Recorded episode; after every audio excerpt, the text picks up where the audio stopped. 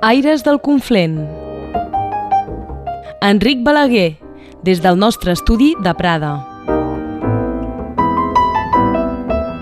És el número 5 de Aires del Conflent i gràcies a tots vosaltres per ens escoltar. Ja tenim alguns retorns d'aquesta emissió que és eh, bastant nova, que l'hem començat només al mes de novembre i ara tenim alguns retorns i moltes gràcies a tots vosaltres per eh, el vostre retorn. Com sempre, una mica us faré ara mateix eh, part del programa d'aquesta hora des del Conflent, sentirem primer de tot la dita de Zoé Bosch Sardans, ens anirem eh, per la natura amb el nostre amic naturalista Albert Mayol de Toès. També seguirem escoltant un nou camí Xibai i anirem cap a la muntanya. I en parlant de muntanya també, gràcies a Jaume Torinyà, visitarem un dels vilatges del Conflent, que és Vallestàvia. La nostra convidada se diu Grisel de Lozano, just després de la dita de la Zoé, us la presentem.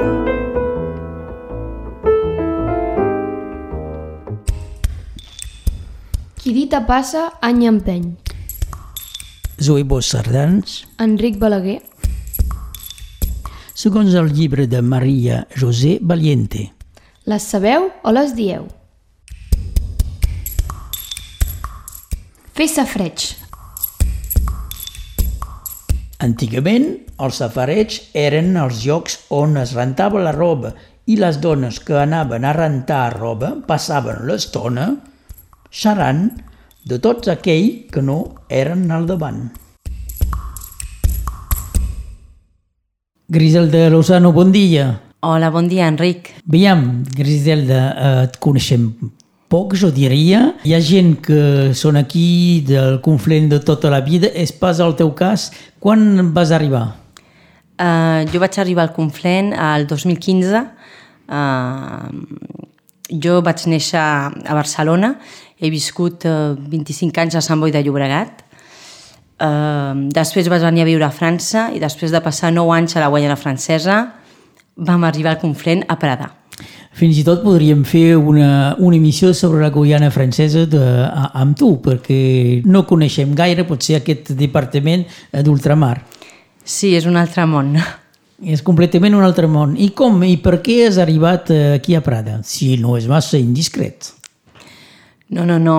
Després de, de tot el temps que hem passat a la Guaiana, els, bueno, els nens, jo tinc tres fills, tenien ganes de veure més sovint la família i quan vam pensar on instal·lar-nos, bueno, la Guaiana, com deu saber, fa molt bon temps, hi ha molt de sol, llavors no ens veiem viure al nord de França i ens hem instal·lat al més eh, proper del sud que és possible, que eren els Pirineus Orientals.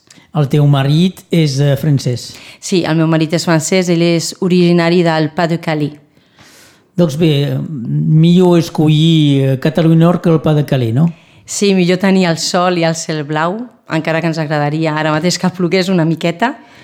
I ell, ell havia estat eh, convençut d'entrada de, de venir a viure aquí al sud? Home, després de nou anys de clima tropical, eh, sí, va estar bastant convençut. Eh, tenia ganes de, de, veu, de tenir bon temps i, i també de fer passejos a la muntanya. I, bueno, aquest lloc és ideal, eh? I doncs ara fa temps que esteu al Conflent, el, coneixeu. Quina és el teu, eh, la teva percepció del Conflent? Com el veus? Com el definiria i com el veus? Home, el Conflent, jo... Nosaltres personalment estem molt contents. És un lloc um, on hi ha molta vida associativa, Uh, hi ha moltes associacions a nivell cultural o a nivell esportiu. Això és important, bueno, per nosaltres és important que hi hagi activitats uh, perquè tenim nens. No t'he preguntat justament a l'edat de, dels nens. És veritat, bueno, ja no són tan nens. Eh? Tinc un fill que és l'Oriol, que té 16 anys, uh -huh. el segon, que és el Jaume, que té 14, i l'última, que és l'Aloma, que té 12 anys. Entenc que és tu que has guanyat per els noms, no? Que són tots eh, catalans. Sí, eh, els meus fills van néixer a la Guaiana i la meva llengua materna és el castellà. Eh? Els Sí. meus pares venen d'altres parts d'Espanya, encara que jo vaig néixer a Barcelona. I com que la Guaiana no tenia ningú amb qui parlar català, que he après a l'escola i que bueno, tinc amigues amb qui parlo català regularment. Volia un vincle, un vincle amb Catalunya i bueno, va ser el, el nom dels meus fills. Sí, bueno, encara que no, a l'època no sabia que vindríem aquí, que podrien aprendre català. Eh, llavors, eh, bueno, van tenir noms catalans. I ells se senten catalans? Sí, jo crec que sí. El fet de venir a viure aquí i han estat escolaritzats a la Bressola i ara han continuat català al col·legi i a l'institut fa que sí, es sentin catalans. Justament eh, tu, eh, venint de, de Guyana, però també originari eh, de la regió barcelonina, com perceps la, la situació del català eh, aquí al Conflent i en general eh, a Catalunya Nord? Home, l'impressió que tinc és que um, el català amb els Pirineus Orientals és un tema complex. Jo crec que mm, si ho comparem amb el sud, bueno, no és comparable, perquè al sud hi ha tot el suport institucional que ajuda que sigui una llengua viva. En canvi, aquí, com hi ha hagut tot el procés on em sembla que hi ha una generació on els pares parlaven català i aquests pares perquè la societat francesa a l'època no ha impulsat el català, han decidit no transmetre aquesta llengua als fills i jo trobo que s'ha perdut bastant el català. A mi em sembla que és, eh, no és gaire sovint que, que escolto el català a Prada o a Perpinyà. Sí, trobo que és molt important que hi hagi un casal català i que impulsi activitats per Sant Jordi, per a Camixibà i els castellers. Bueno, tot això ajuda que no, que no es perdi completament i que potser de mica en mica guanyi una mica de terreny. I a les escoles en català, has parlat de la Bressola, però el secundari com es passa? Um, amb, amb referència, vull dir, al català. català. Sí, sí. Mm, el que es passa al secundari, almenys a Prada, uh, és que quan vols continuar el català mm, a partir de la sisena, sisena pots continuar perfectament. L'únic que després tens l'obligació, entre cometes, um, d'agafar com segona llengua estrangera el castellà. Vol dir que un alumne que vulgui fer alemany en comptes de castellà uh, no pot fer català aquestes opcions català més alemany no és possible per un tema d'horaris i bueno, és una mica una llàstima els meus fills parlen perfectament el castellà perquè a casa és la, que, la llengua amb la que intento expressar-me un màxim i tinc un que va agafar català i jo estava molt contenta perquè per mi el català és important i ha fet castellà, però clar, castellà ja el parla bé, llavors a classe et pots imaginar que és una mica complicat i la meva filla, quan hem vist que bueno, el meu fill havia de fer castellà, ha dit, no, jo castellà no vull a cinquena aprendre els fruits i les verdures en castellà. Sí, perquè sí. Llavors ha agafat l'alemany i ha hagut de deixar el català, malauradament. I acabem de parlar de la família i el marit parla una mica català o mica, potser una mica més, una mica més que mica.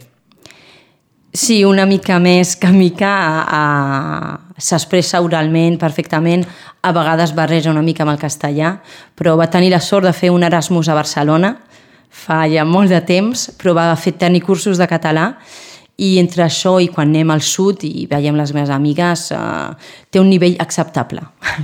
Griselda, coneixes eh, el grup Lagram?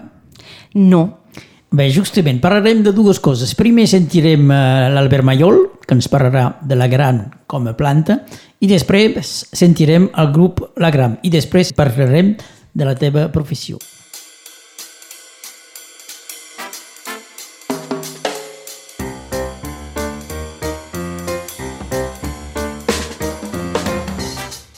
Plantes de Conflent.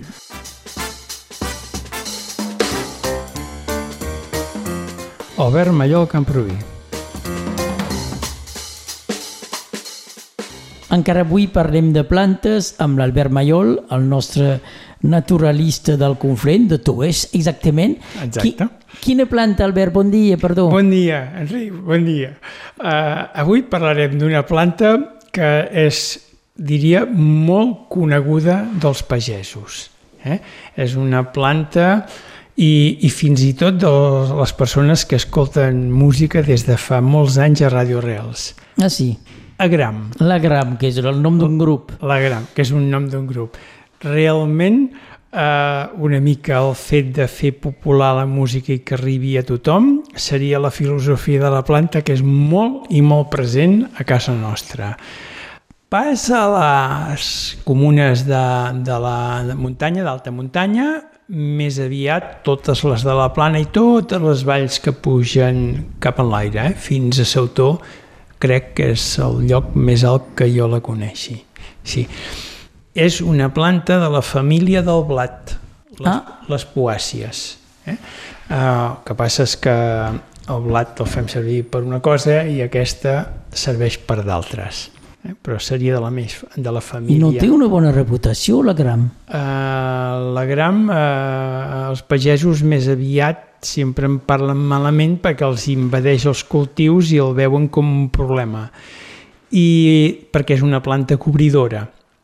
De tota manera, eh, el que ens està explicant la planta que s'extén és perquè hi té l'hàbitat, que generalment són ser sols que són molt compactats i que tenen molt poca matèria orgànica, és dir, degradats. Llavors, les activitats són sovint responsables de la seva expansió, a part de que és una planta que viu bé en llocs calents i evidentment que la puges de les temperatures que, que tenim eh, en aquest aspecte l'afavoreix. Sí, sí. Descripció. Fem, eh, o parlem Com vulguis. dels noms? Pot Sí. ser? Sí. El nom. El, el, el nom eh, que tenim és agram o gram. I en occità, gram, grame o gramenàs. N'hi ha algun altre també. I en francès, xiandong, pied de pula. Eh? Llavors, sembla que el nom llatí vindria d'aquí, que és dent de ca.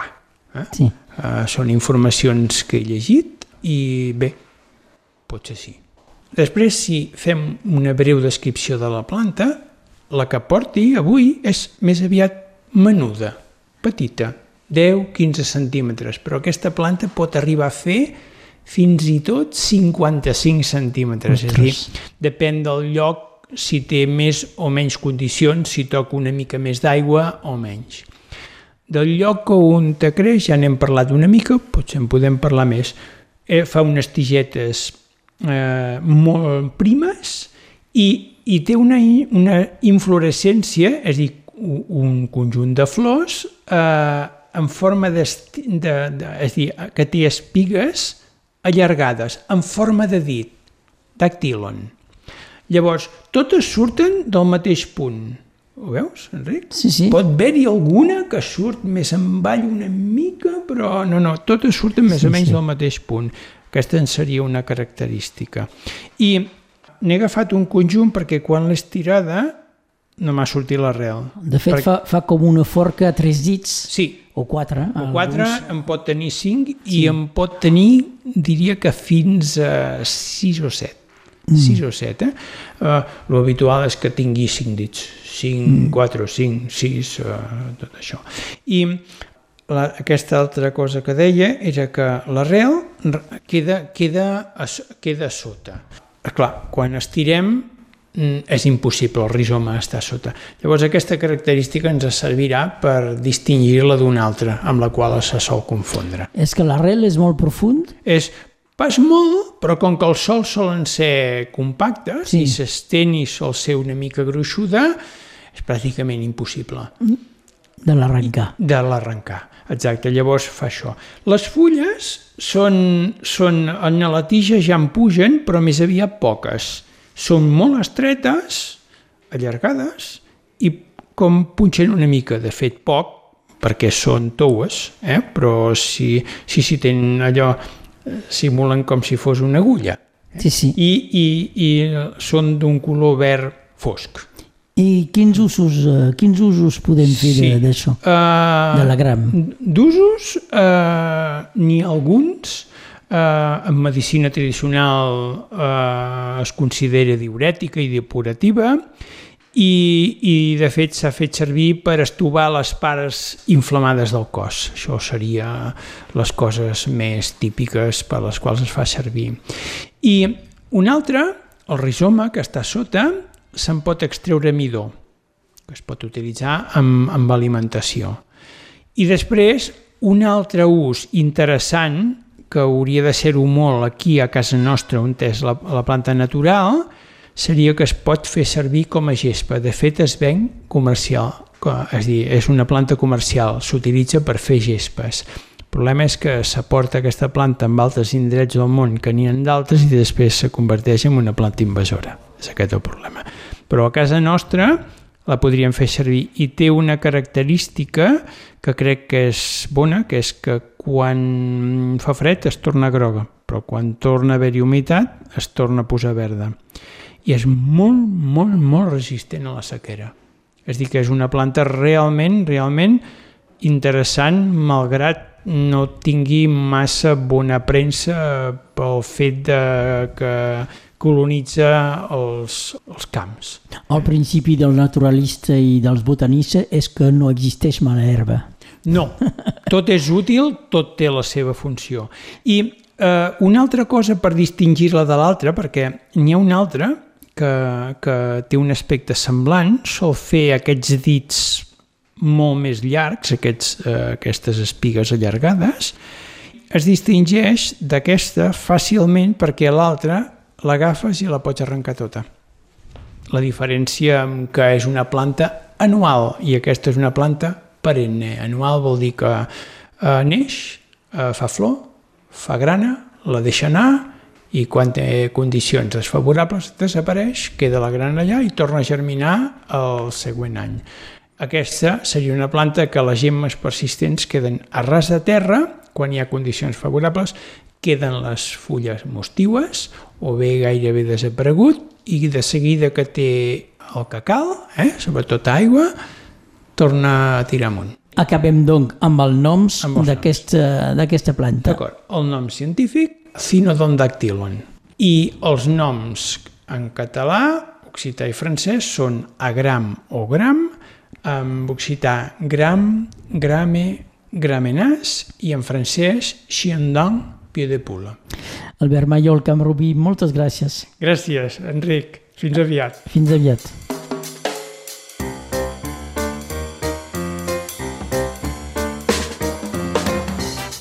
Albert Mallol Camproví.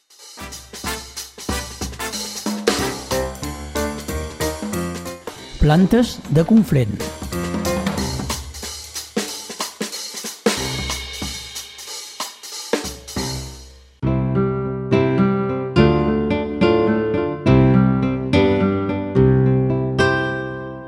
Quan el cantarem el temps de les cireres pel rossinyolet i el merle rioller serà dia de festa. Les nines tindran la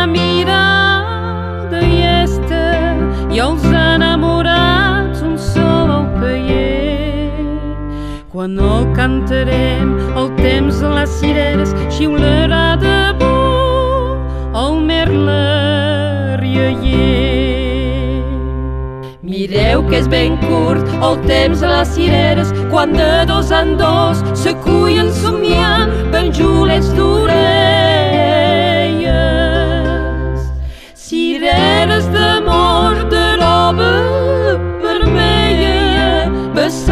fullar com gotes de sang. Mireu que és ben curt el temps de les cireres penjols a coral collits somiant. Un cop qui sereu el temps de la cirera si es fan fremir les penes d'amor neu lluny de les nines. Jo que tinc pas por d'engolir espines sempre patiré de la mala sort. Un cop qui sereu el temps de les cireres també no tindreu de penes d'amor. L'estimaré sempre el temps de les cireres, és ell que em va fer el mig al meu cor una esgaritxada. Fortuna me sigués donada, per jo mai seria un remei prou fort. Sempre estimaré el temps de les cireres i aquell record que ni tinc al cor. Avui rebem en els nostres estudis de, de Prada Grisel de Lozano, que ha arribat al Conflent, ens ha dit, el 2015. Eh, encara no sabem què hi fa aquí, quina és la seva professió. Um, jo sóc treballadora social a l'Educació Nacional. Això vol dir que um, estic en col·legi uh, i fins l'any passat estava al Liceu també. Uh, jo faig al Col·legi de Prada, al Col·legi d'Illa, al Col·legi Liceu de Font Romeu i també faig al Col·legi de Burmadam. Ah, això és molta feina. I, do, Sí. I dos molts desplaçaments. Perquè, Pujo, pujo a Font Romeu dos cops al mes i Burmadam és si em truquen. evidentment, eh, suposo que és eh, un lloc de treball important. Sobretot se'n parla molt actualment d'aquests problemes que poden tenir eh, els alumnes, els adolescents o, o, o els de primaris, que són eh, els diversos assetjaments, per exemple. Això és, diria que és un tema, malauradament, d'actualitat, se'n parla molt. Tens molts casos o és només un efecte de premsa que tenim? Mm, realment hi ha, hi ha casos, però ara mm, justament hi ha tot, eh, tots uns recursos que estan al voltant d'aquest tema eh, que fan que quan hi hagi una situació eh, el centre reacciona molt, molt ràpid, eh? es convoca les persones que estan a, en aquesta situació, a les víctimes i també als autors i eh, per tallar el tema de socarrel eh, eh, després malauradament és veritat que hi ha assetjament però és veritat que hi ha, hi ha molts alumnes que es senten malament a la seva vida. Hem vist que la, la salut mental dels alumnes s'ha degradat molt eh, a partir del confinament. Ah, sí, fa, ja fa temps, ara no han Tres anys. recuperat. En tres anys eh, no han recuperat. No, això, el fet d'estar en famílies on a vegades hi havia problemes relacionals, violència o altres, ha deixat seqüeles i ens trobem amb alumnes molt fràgils. Um, per exemple, un alumne dirà que, que té assetjament i quan li demanes diu és que un alumne uh, ha rigut del meu tall de cabell. Sí. Sí, pot fer mal, però normalment un alumne que està bé uh, Sí, o passaria una altra cosa. I en canvi tenim cosa. alumnes que amb això es senten realment molt malament, fins i tot mal de ventre abans de venir a l'escola. És, uh, és important prendre en compte això i trobar solucions. Hi ha també potser eh, problemes al nivell de, de famílies eh, que tenen dificultats econòmiques. Sí, A uh, part és de la teva feina sí, també. Sí, bueno, a la meva feina hi ha tota una part d'acompanyament eh, a les famílies que tenen dificultats administratives, socials, familiars o financeres i és veritat que mm, hi ha una part de la població del Conflent que mm, està en en la precarietat. No sempre és fàcil tenir una feina.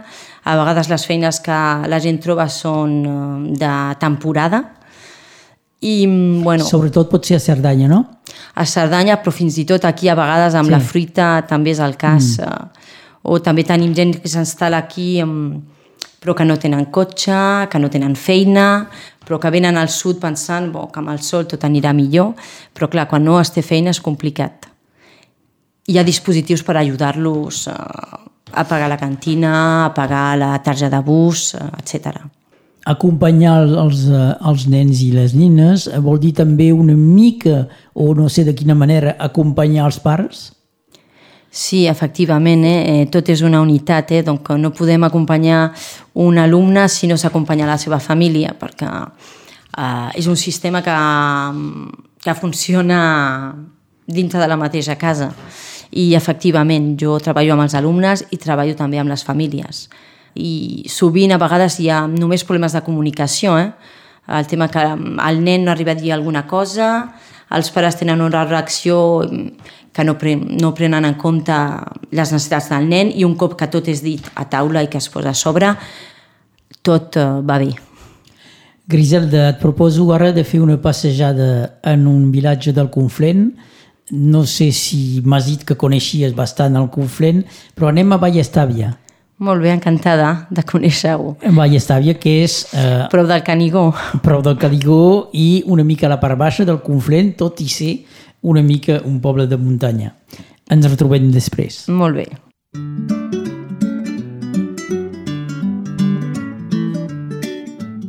Vilatges d'aquí, avui, Vallestàvia, amb Jaume Taurinyà.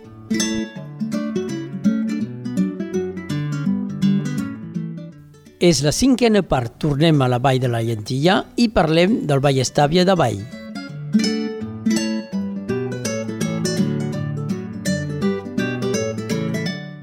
Hem parlat de l'església Sant Andreu a dalt, però hi ha també una altra església Sant Andreu a baix. Sí, eh, i bon, aquesta església eh, és eh, més lluny del, del poble, eh, 500 metres d'aquí, al mig del cementeri. Tenen una posició original perquè l'han feta sobre traces, rastres de, de forns eh, per, per fer la, el ferro. Eh? Doncs eh, i eh, llavors pensem que eh, és una, eh, era doncs la primera església, eh? és una església que data del segle, del segle X i, i XI, doncs quan l'han feta penso que i l'han feta ja lluny del poble per, jo penso que era per exorcitzar el, el lloc, perquè era un lloc on, on havien fet el ferro i la gent que feien el ferro treballaven amb el foc, treballaven amb la mena que anaven a buscar sota terra i eren, eh, eren mig dimonis. Eh? Doncs eh, han ficat l'església per mostrar que aquí eh, era, eh, el Déu era, era més important. Que, donc, i també és dedicada a Sant Andreu. Era, era la primera, doncs, era, era dedicada a Sant Andreu i hem tingut la sort de, amb una associació que ha treballat molt bé de, de la poder tornar a restaurar perquè la, la volta havia baixat, eh, de, de, era, era terra i, eh, i doncs amb eh, una, va calguer 10 anys i aquí tenim una, una, ara hi ha un teulat amb velloses i a més a més una, i perquè la gent eh, hi trobin un interès, eh, un altre interès, hi ha una exposició sobre la metal·lurgia eh, antiga i, i, i medieval. Parlem de Vallestàvia avui? Avui, el, el poble va quasi bé desaparèixer als anys eh, 70-80. Hi havia 20-30 habitants i només. Doncs eh, eh, hi, ha, hi ha hagut un període molt difícil, eh, eh, pensaven que existiria només amb, amb cases secundaris que hi ha. I eh, hi, ha, hi ha gent, eh, un, el, el, els primers van ser una, un, un ferrer i un, i un ramader que es van instal·lar i van demostrar que aquí Eh, malgrat la, la situació eh, aïllada de, del poble, es podia encara viure i, i, i viure bé. Doncs eh, a poc, la gent havien, han servit d'exemple aquí, eh? i la, la, d'altres han vingut i doncs ara eh, hi, ha, hi ha activitats de ramaderia, tenim com, com abans, hi ha vaques, hi ha ovelles, hi ha cabres, hi ha cavalls, hi ha, hi ha gallines també que, que fan ous i, i que són venuts al mercat de, de, de, de Prada el dimarts.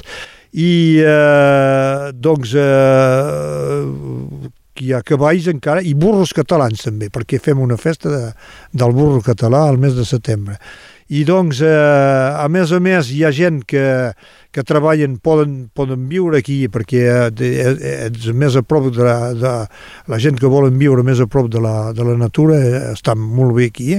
I eh, cal mitja hora per anar a, a Prada o a Illa o i 20 minuts per, per Vinçà, doncs poden tenir un treball a la plana i tornar a venir a dormir cap aquí. Eh, L'internet va, també ens ha ajudat una mica perquè eh, en, en tenim dos o tres que treballen a, amb, amb això, de, que tenen petites empreses o que són emplegats per d'altres empreses, fan teletreball. Que. Eh, doncs eh, s'estan aquí, eh, eh, estan molt bé i fan la, la llur feina sense de, desplaçar-se. Eh, a més a més tenim una, un, un cafè, un restaurant, eh, és una, un petit comerç, eh, això ho van, ho van intentar de fer el, en 2000-2001, eh, al, al, al principi del meu, del meu mandat de, de, de Bahia, i, i ara funciona encara, doncs fa, fa més de 20 anys que, que, que funciona. És, és un, un, una mica difícil perquè per treure una, un salari de, de, total és, és, és difícil però eh, una, una parella amb un, un que treballa i l'altre que, fa, que se cuida del cafè és, és possible. Que. Doncs és, és com això que se passa, que, el que s'ha passat fins ara, i ara és una associació que han fet, que, que ha tornat, eh, que es cuida de, del, del cafè, que diré més de les activitats. Hi ha, hi ha, hi ha associacions també que són molt actius, eh, els Amics de Ballestavi, que és una, la, la més antiga, que va ser creada 1981 i, eh, i que encara, encara existi, i una altra que es diu la, la Salamandra, i que llavors organitzen la, les, eh, la, les, eh, les, uh, les activitats uh, fent de, de, de a Ballestavi, festes, coses com això, conferències, uh, balls, uh, concerts, uh, vet aquí. Doncs hi ha, hi ha animació.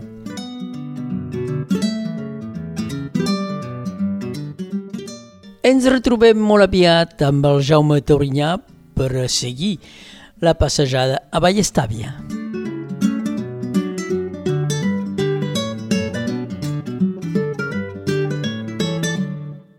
Griselda Lozano, eh, venim de, de Vallestàvia. Eh, coneixes els Camixibais? Sí, sí, sí, conec una mica, ja he vist eh, al Casal Català un espectacle de camixibais eh, a l'ocasió d'una festa de Sant Jordi. I què et sembla? Em sembla una forma molt moderna de recuperar històries eh, tradicionals del Conflent i de la Catalunya Nord i mm, trobo que està molt bé de... Sé que a vegades mm, el casal també es desplaça als centres educatius per fer espectacles de camins xivais, trobo que està, està molt bé. Sí, tu com a especialista d'aquest món eh, de l'ensenyament, eh, evidentment eh, han vist eh, passar dins dels teus eh, eh, establiments escolars de camins xivais? No, però tranquil·lament que ja és previst i eh, i ja tenim contactes perquè arribin a alguns establiments escolars de, del Conflent i de més enllà. En tot cas, m'has dit que potser la part baixa del Conflent no la coneixia gaire. Et portem a Noedes. A Noedes sí que coneix, he fet algun uh, passeig per la muntanya uh, fins al Gorg Negre i sí, és un poble molt maco. Anem just al costat, al Gorg Estelat. Ah, perfecte. Els camixibais del Casal del Conflent. L'escudella del pastor.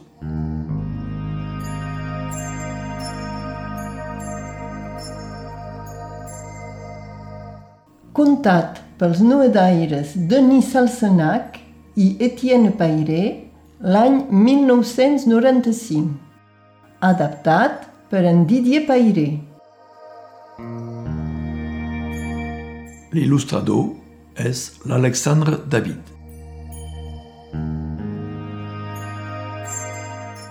A la muntanya de Noedes hi ha un estany que li diuen el Gorg Estelat, perquè en els temps antics les fades que hi vivien hi havien gitat un grapat d'esteles.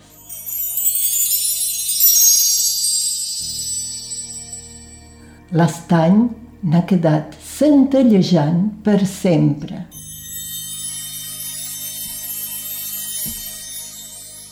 I quan mires l'estany des de dalt, pots veure les esteles. Allà, un pobre pastor tenia costum de fer pasturar les seues fedes. Aquest pastor tenia per sola riquesa una lluïsa d'or que s'havia guanyat després d'anys i anys de treball. Per por dels lladres, havia amagat la peça d'or sota la seva escudella de fusta. Havia fet un forat amb el ganivet, ben rodó, havia posat la lluïsa dintre i ho havia tapat amb un altre tros de fusta. Era ben fet i ningú ho hauria pogut endevinar.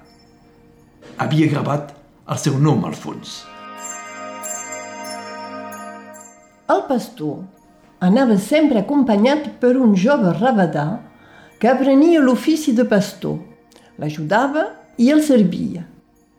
Un vespre, quan havien acabat de menjar la sopa, el pastor va dir al pallago «Nin, vés a rentar les escudelles i les culleres». El jove va obeir i se sap pas com va passar, mais, tot rentant, l'escudella del pastor li va escapar. Va caure i va capbussar a dintre de les aigues fondes de l'estany. Tot gatimuix i cap baix, el rabadà va tornar a prop del seu amo i li va anunciar que l'escudella era perduda. El pastor, habitualment amable, era molt, molt enfurismat. Innocent, com has fet aquí encara? I el nin entenia pas ben bé per què. Era una escudella de fusta molt senzilla, com en sabien fabricar els pagesos i la gent de la muntanya. Li costaria pas res, tot vigilant el ramat d'en fer un altre. Ben segur, va pas gosar li dir això. Els dies van passar. El pastor se va fabricar a Reufet un altre plat. Mais semblava que havia perdut tota alegria. I passava hores senceres mirant les aigües de l'estany, tot rumiant unes paraules que el rabadà no entenia.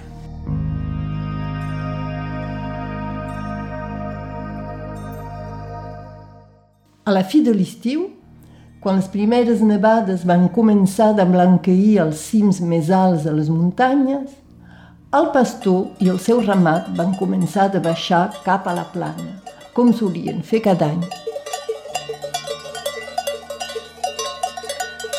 Mentrestant, el rabadà se va quedar al poble de Noedes amb els seus pares. A l'hivern, el ramat pasturava a les garrigues, sobre els turons del banc de salses, molt, molt lluny de les muntanyes. Tot el paisatge recordava l'ús mil·lenari dels paratges pels pastors. Petites cabanes de pedres seques, cortals i ruïnes tan velles que se'ls hi podia pas donar cap edat. Un dia, al peu d'un orri, mit aquí que el pastor va veure un nin de 5 o 6 anys que jugava a fer rodar un tros de fusta amb un bastó. Mirant de més a prop, va veure que era una escudella.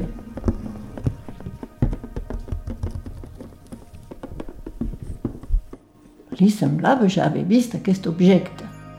Li va venir com un nus a la gola.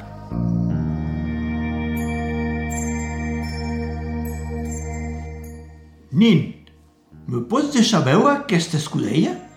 Va demanar el pastor. Quan va tenir el plat a les mans, el va girar a poc a poc amb el cor bategant. I el que havia sospitat, sense saber per què, era aquí, davant dels seus ulls, un tap de fusta al fons de l'escudella. Amb el seu ganivet, va fer saltar el tap. La lluïsa era aquí. Era increïble.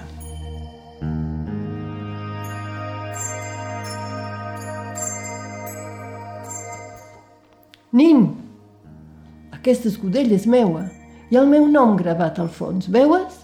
On l'has trapada? Són els meus pares que l'han trapada a la rigola de salses i me l'han donada, va respondre el nin. Cal explicar que la rigola de salses, també anomenada font estramar, és una enorme font d'aigua clara i dolça que surt al peu d'un turó no gaire lluny de la mar. El pastor va suposar que hi havia un misteriós camí d'aigua subterrani que unia el gorg estelat de Noedes amb la font estramar i que la seva escudella l'havia seguit fins allà. Va explicar això a tothom i tothom s'ho va creure.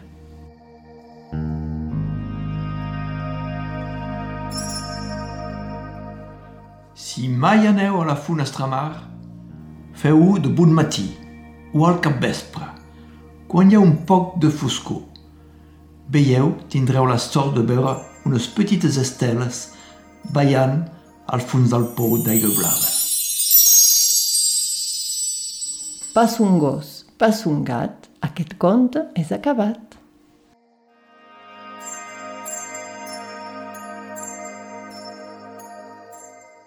Era l'escudella del pastor amb les veus de Violeta Tubert i Didier Pairé, del Casal del Conflent, i breument la de Sergi Mies.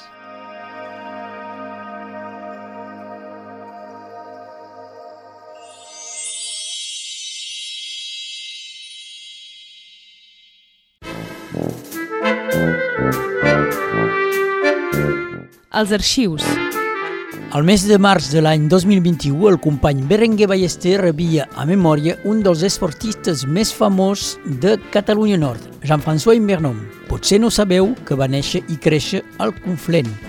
Avui faig memòria amb una d'aquelles persones que tenim al país que podem considerar populars, emblemàtiques. Jean-François Invernon, bon dia. Bon dia. I gràcies d'haver vingut a Radio Arrels Amb, amb, amb ple, amb a ple, fer amb ple. Podem dir que ets una part de la memòria del rugby català. Sí, sí, protagonista sí, durant molts sí. anys, eh? Mais bon, són pas quelcun eh, que quelcus de... Són eh, humble, són... Sí. són Humil, eh? Ouais, humil, Discret. Voilà, discret, jo, Sí, voilà. d'accord. Tot, tot ce que vaig fer sí. i, i que el rugby m'ha ajudat a Sí. fer, és que és cosa que que m'ha molt marcat, que Sí. m'ha canviat en tant com a, però bon, ara la, el llibre, la pàgina és tancada i és una altra pàgina. Eh? Bé, continua sent molt popular. La Ah, sí, gent te sí. reconeix pel carrer? Sí, sí, sí, eh? sí, sí, sí, sí. Sí, sí. Pel carrer i encara més que en sair del departament, Sí, també? encara, encara més. Encara més? Ai.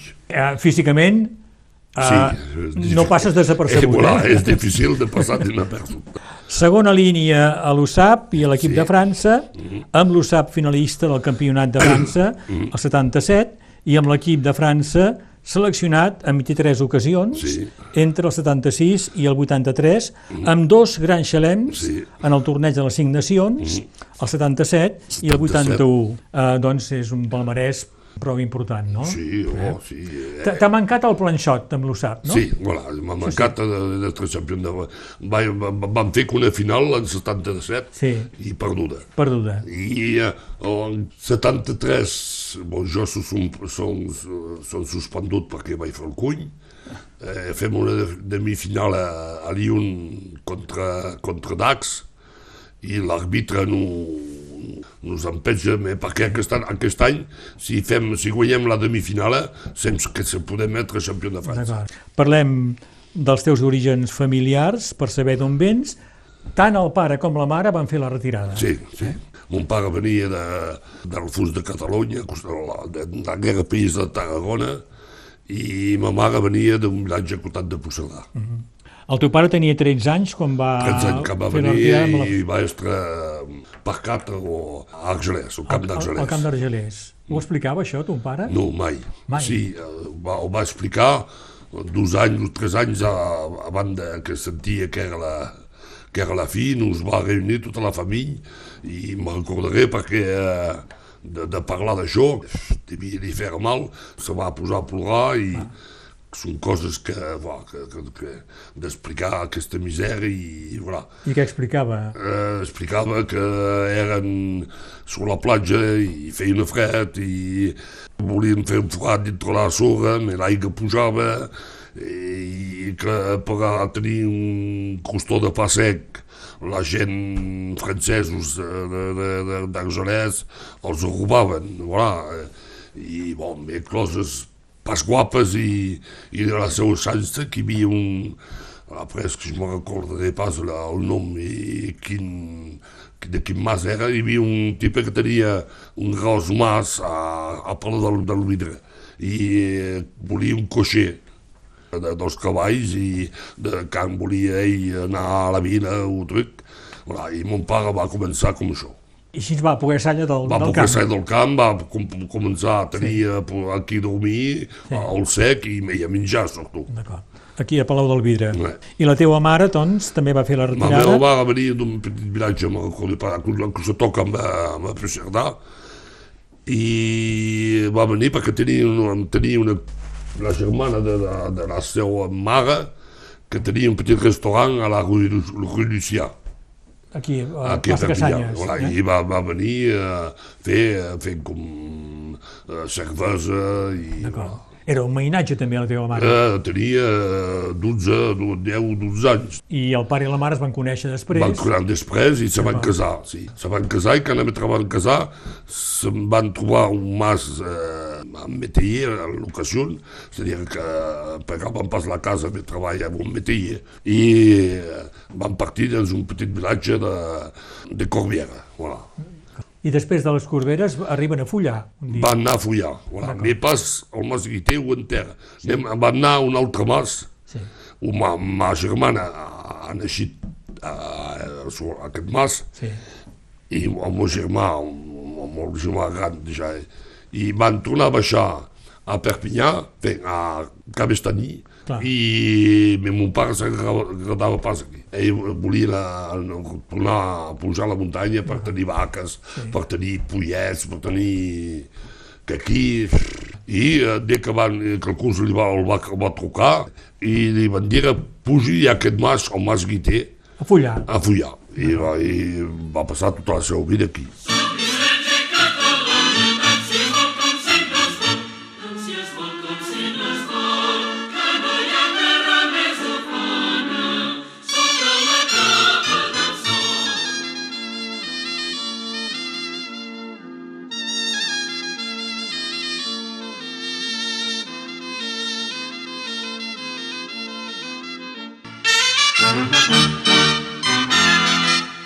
Uh, Jean-François Invernon, uh, ja sabem coses de la teva família, tant el pare com la mare, de veïnatge, fan la retirada amb Mm. llurs famílies, eh? I uh, arriben, després de- d'un itinerari accidentat, arriben uh, al Mas Guiter de Fullar. Ouais. Tu neixes, doncs, quan la família s'està sí. al Mas Guiter de sí, Fullar. de Fullar, sí. Neixes l'any 51. Yes. Eh? Me vas a escola a A sobre, perquè m'anava a mi un, perquè anava amb, amb, amb veló o a peu. perquè a l'època hi havia pas ramassatges, hi havia pas... Eh, I tenia un veló i allà m'anava a mi perquè per anar al matí tenir delit i mu- muntava un poc, fulla, perquè eh, és entre el Mas Guiter, és entre Fullar, és el límit Ah, dels territoris. D'acord. I era la mig de, de, de, de Fullar i mig de Sora. Mais Fullar, per anar, baixava, Ah. i després per tornar, Per tornar. i eh, Sora és al contrari. D'acord. Per anar, pujar, pu- fer, pujava. eh, Sí, sí. Sí, t'agradava anar a escola? Sí, sí, Ah. anar, anar, anar a veure els companys, per, per anar a escola, a escola... Sí. Pensaven pitó a, a, a, a córrer dintre la, les, les muntanyes, a veure si hi havia bolets, a agafar guilles, això, això, eren els homes més forts per anar a escola. I després per, per baixar m'anava a mi. D'acord. Com era follar a Saorra als anys 50 quan tu ets veïnatge? Quin record tens? Uf, molt, molt bo, sí. sí. Veus, bon, perquè anava a l'escola, tenia qualque company, mais tenia més companys a follar, de jovent. I feien coses eh, amb la gent de, de follar, de sorra, mais era partejat. Quan en quan, voilà, que hi havia una, una festa a sorra, anava a sorra, i quan hi havia una altra anava a follar. Més veieu a sorra que a follar, voilà. Uh, la família tenia Eh, Feien pomes? Pomes. Pomes. Feien 110 tones de pomes. De totes, la gana de graneta, eh, la Starkinson, la coqueta Ah. i la, la Golden, que feia, me'n recordi mon pare per això era fort.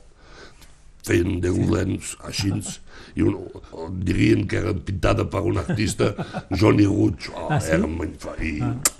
Perquè de mainatge adolescent de jove calia treballar, calia Ah, sí, ajudar, sí, eh? sí, sí, sí, la, desfamar l'estable, sí. rentrar l'herba, De jove ja eres gran i fort, com ara? Eh, gran sí, foc no. Foc me vaig...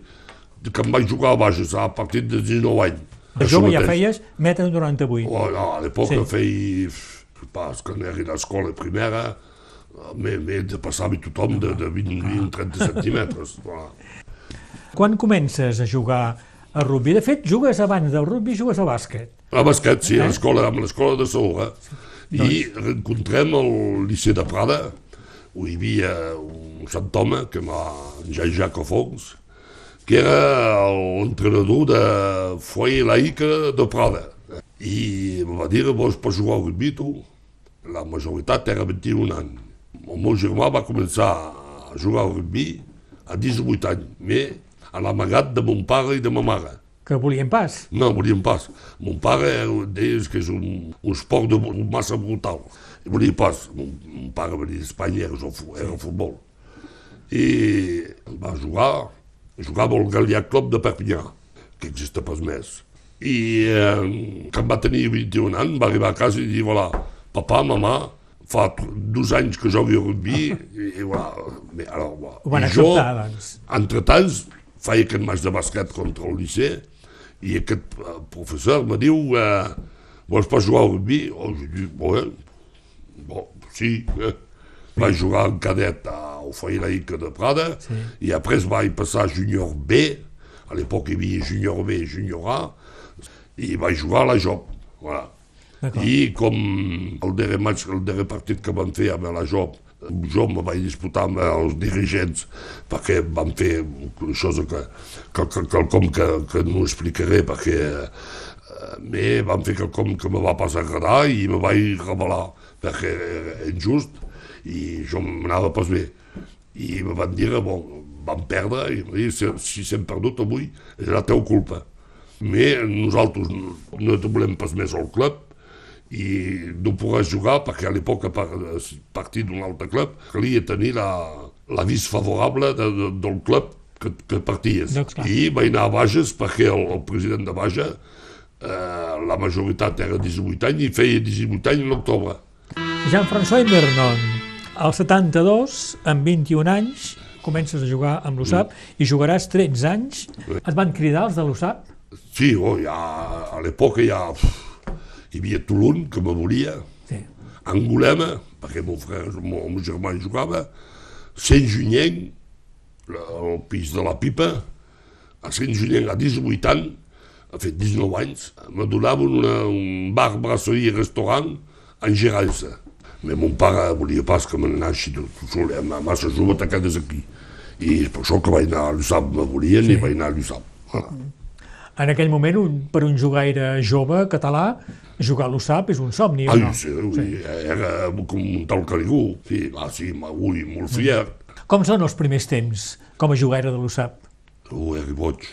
Sí? Què vol dir? Era un, ca, era un cafoll.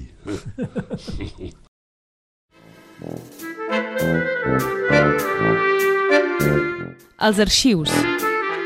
Era Jean-François Invernom, al 2021, al micro de Berenguer Ballester per l'emissió Memòria.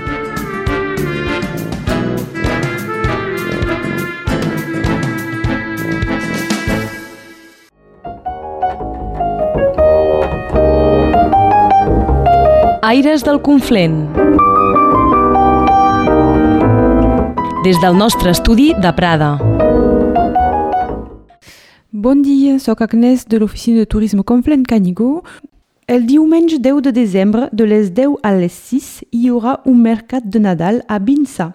Taller de maquillatges, passejades amb carros, sessió de fotos amb el Père Noël, un espectacle de dansa infantil, una tombola, menjar i begudes.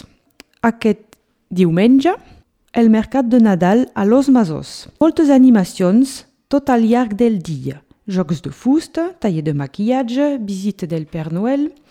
A les 12 i a les 5.45 hi haurà una desfilada d'un carro il·luminat. El bistró Tinc 7 tindrà el seu bar amb ostres i proposarà pot-au-feu casolà. Podreu trobar camions de menjar. També hi haurà una recollida de regals pels nens malalts. També aquest diumenge hi haurà el mercat de Nadal de Fillols. A les 11 i a les 3, un espectacle pel públic jove. Time Les Chaussettes Rouges. Nombrosos creadors, productors, hi haurà possibilitat de menjar i també de participar a una tombola. Si voleu participar a aquestes animacions o si necessiteu més informacions, contacteu l'oficina de turisme o consulteu la nostra pàgina web www.turisme-canigo.cat Radio Arels, a Prada, 95.5. Avui a Aires del Conflent rebem, i s'acaba aviat, s'acaba aviat, rebem eh, Griselda Lozano. Griselda Lozano que ens ha explicat una mica la seva família, eh, hem estat una mica indiscrets, eh? ha estat la, la seva família, la seva professió, és treballadora social a l'educació nacional. Griselda, penses de quedar-te al Conflent molt de temps? Home, jo crec que ens quedarem molt, molt temps perquè ens agrada molt. Eh? Ens trobem bé, hi ha la muntanya al costat, hi ha la platja, la platja que no és lluny, Barcelona també està al costat. Eh, bueno, per nosaltres és un lloc ideal. Doncs bé, i també s'apropa les, eh, les animacions de, de Nadal. El Nadal a la Guiana, com és? Home, el Nadal a la Guaiana pues estàs amb maniga curta, eh, estàs amb pantaló curt, eh, posem decoracions de Nadal, però és veritat que pels nens és molt, és molt raro llegir llibres eh, que parlen del Nadal, que parlen de la neu, i clar, ells no han vist mai la neu. I sé que els meus fills, el primer any, quan van estar a Prada, el primer cop que van veure la neu, eh, bon, tenien estrelles als ulls, estaven contents d'en fi eh, poder veure la neu i si no és un Nadal normal, eh? amb els amics, perquè sovint la família no pot venir, eh, és un viatge en avió bastant llarg eh, i també bastant car, llavors sovint es fa amb la família d'acord. Griselda, un altre dia parlarem de la Guiana, de, de la situació, de, dels idiomes que, que, que es parlen allà, que són molts, i potser de les, eh, de les coses que has viscuda amb una població potser eclèctica, no ho sé, Sí, sí, sí. Uh, sí, eh, tot això. Molt variada. Grisel de Lozano ha estat la nostra convidada. Si apartem membres del casal que són Violeta Tubert i uh, Didier Pairé, és la primera dona que tinc com a convidada. Moltes gràcies per, per la teva presència i per haver dedicat uns minuts amb nosaltres. Gràcies per convidar-me i en plaer tornaré a venir, si cal. Gràcies, Griselda. Fins aviat. Que vagi bé.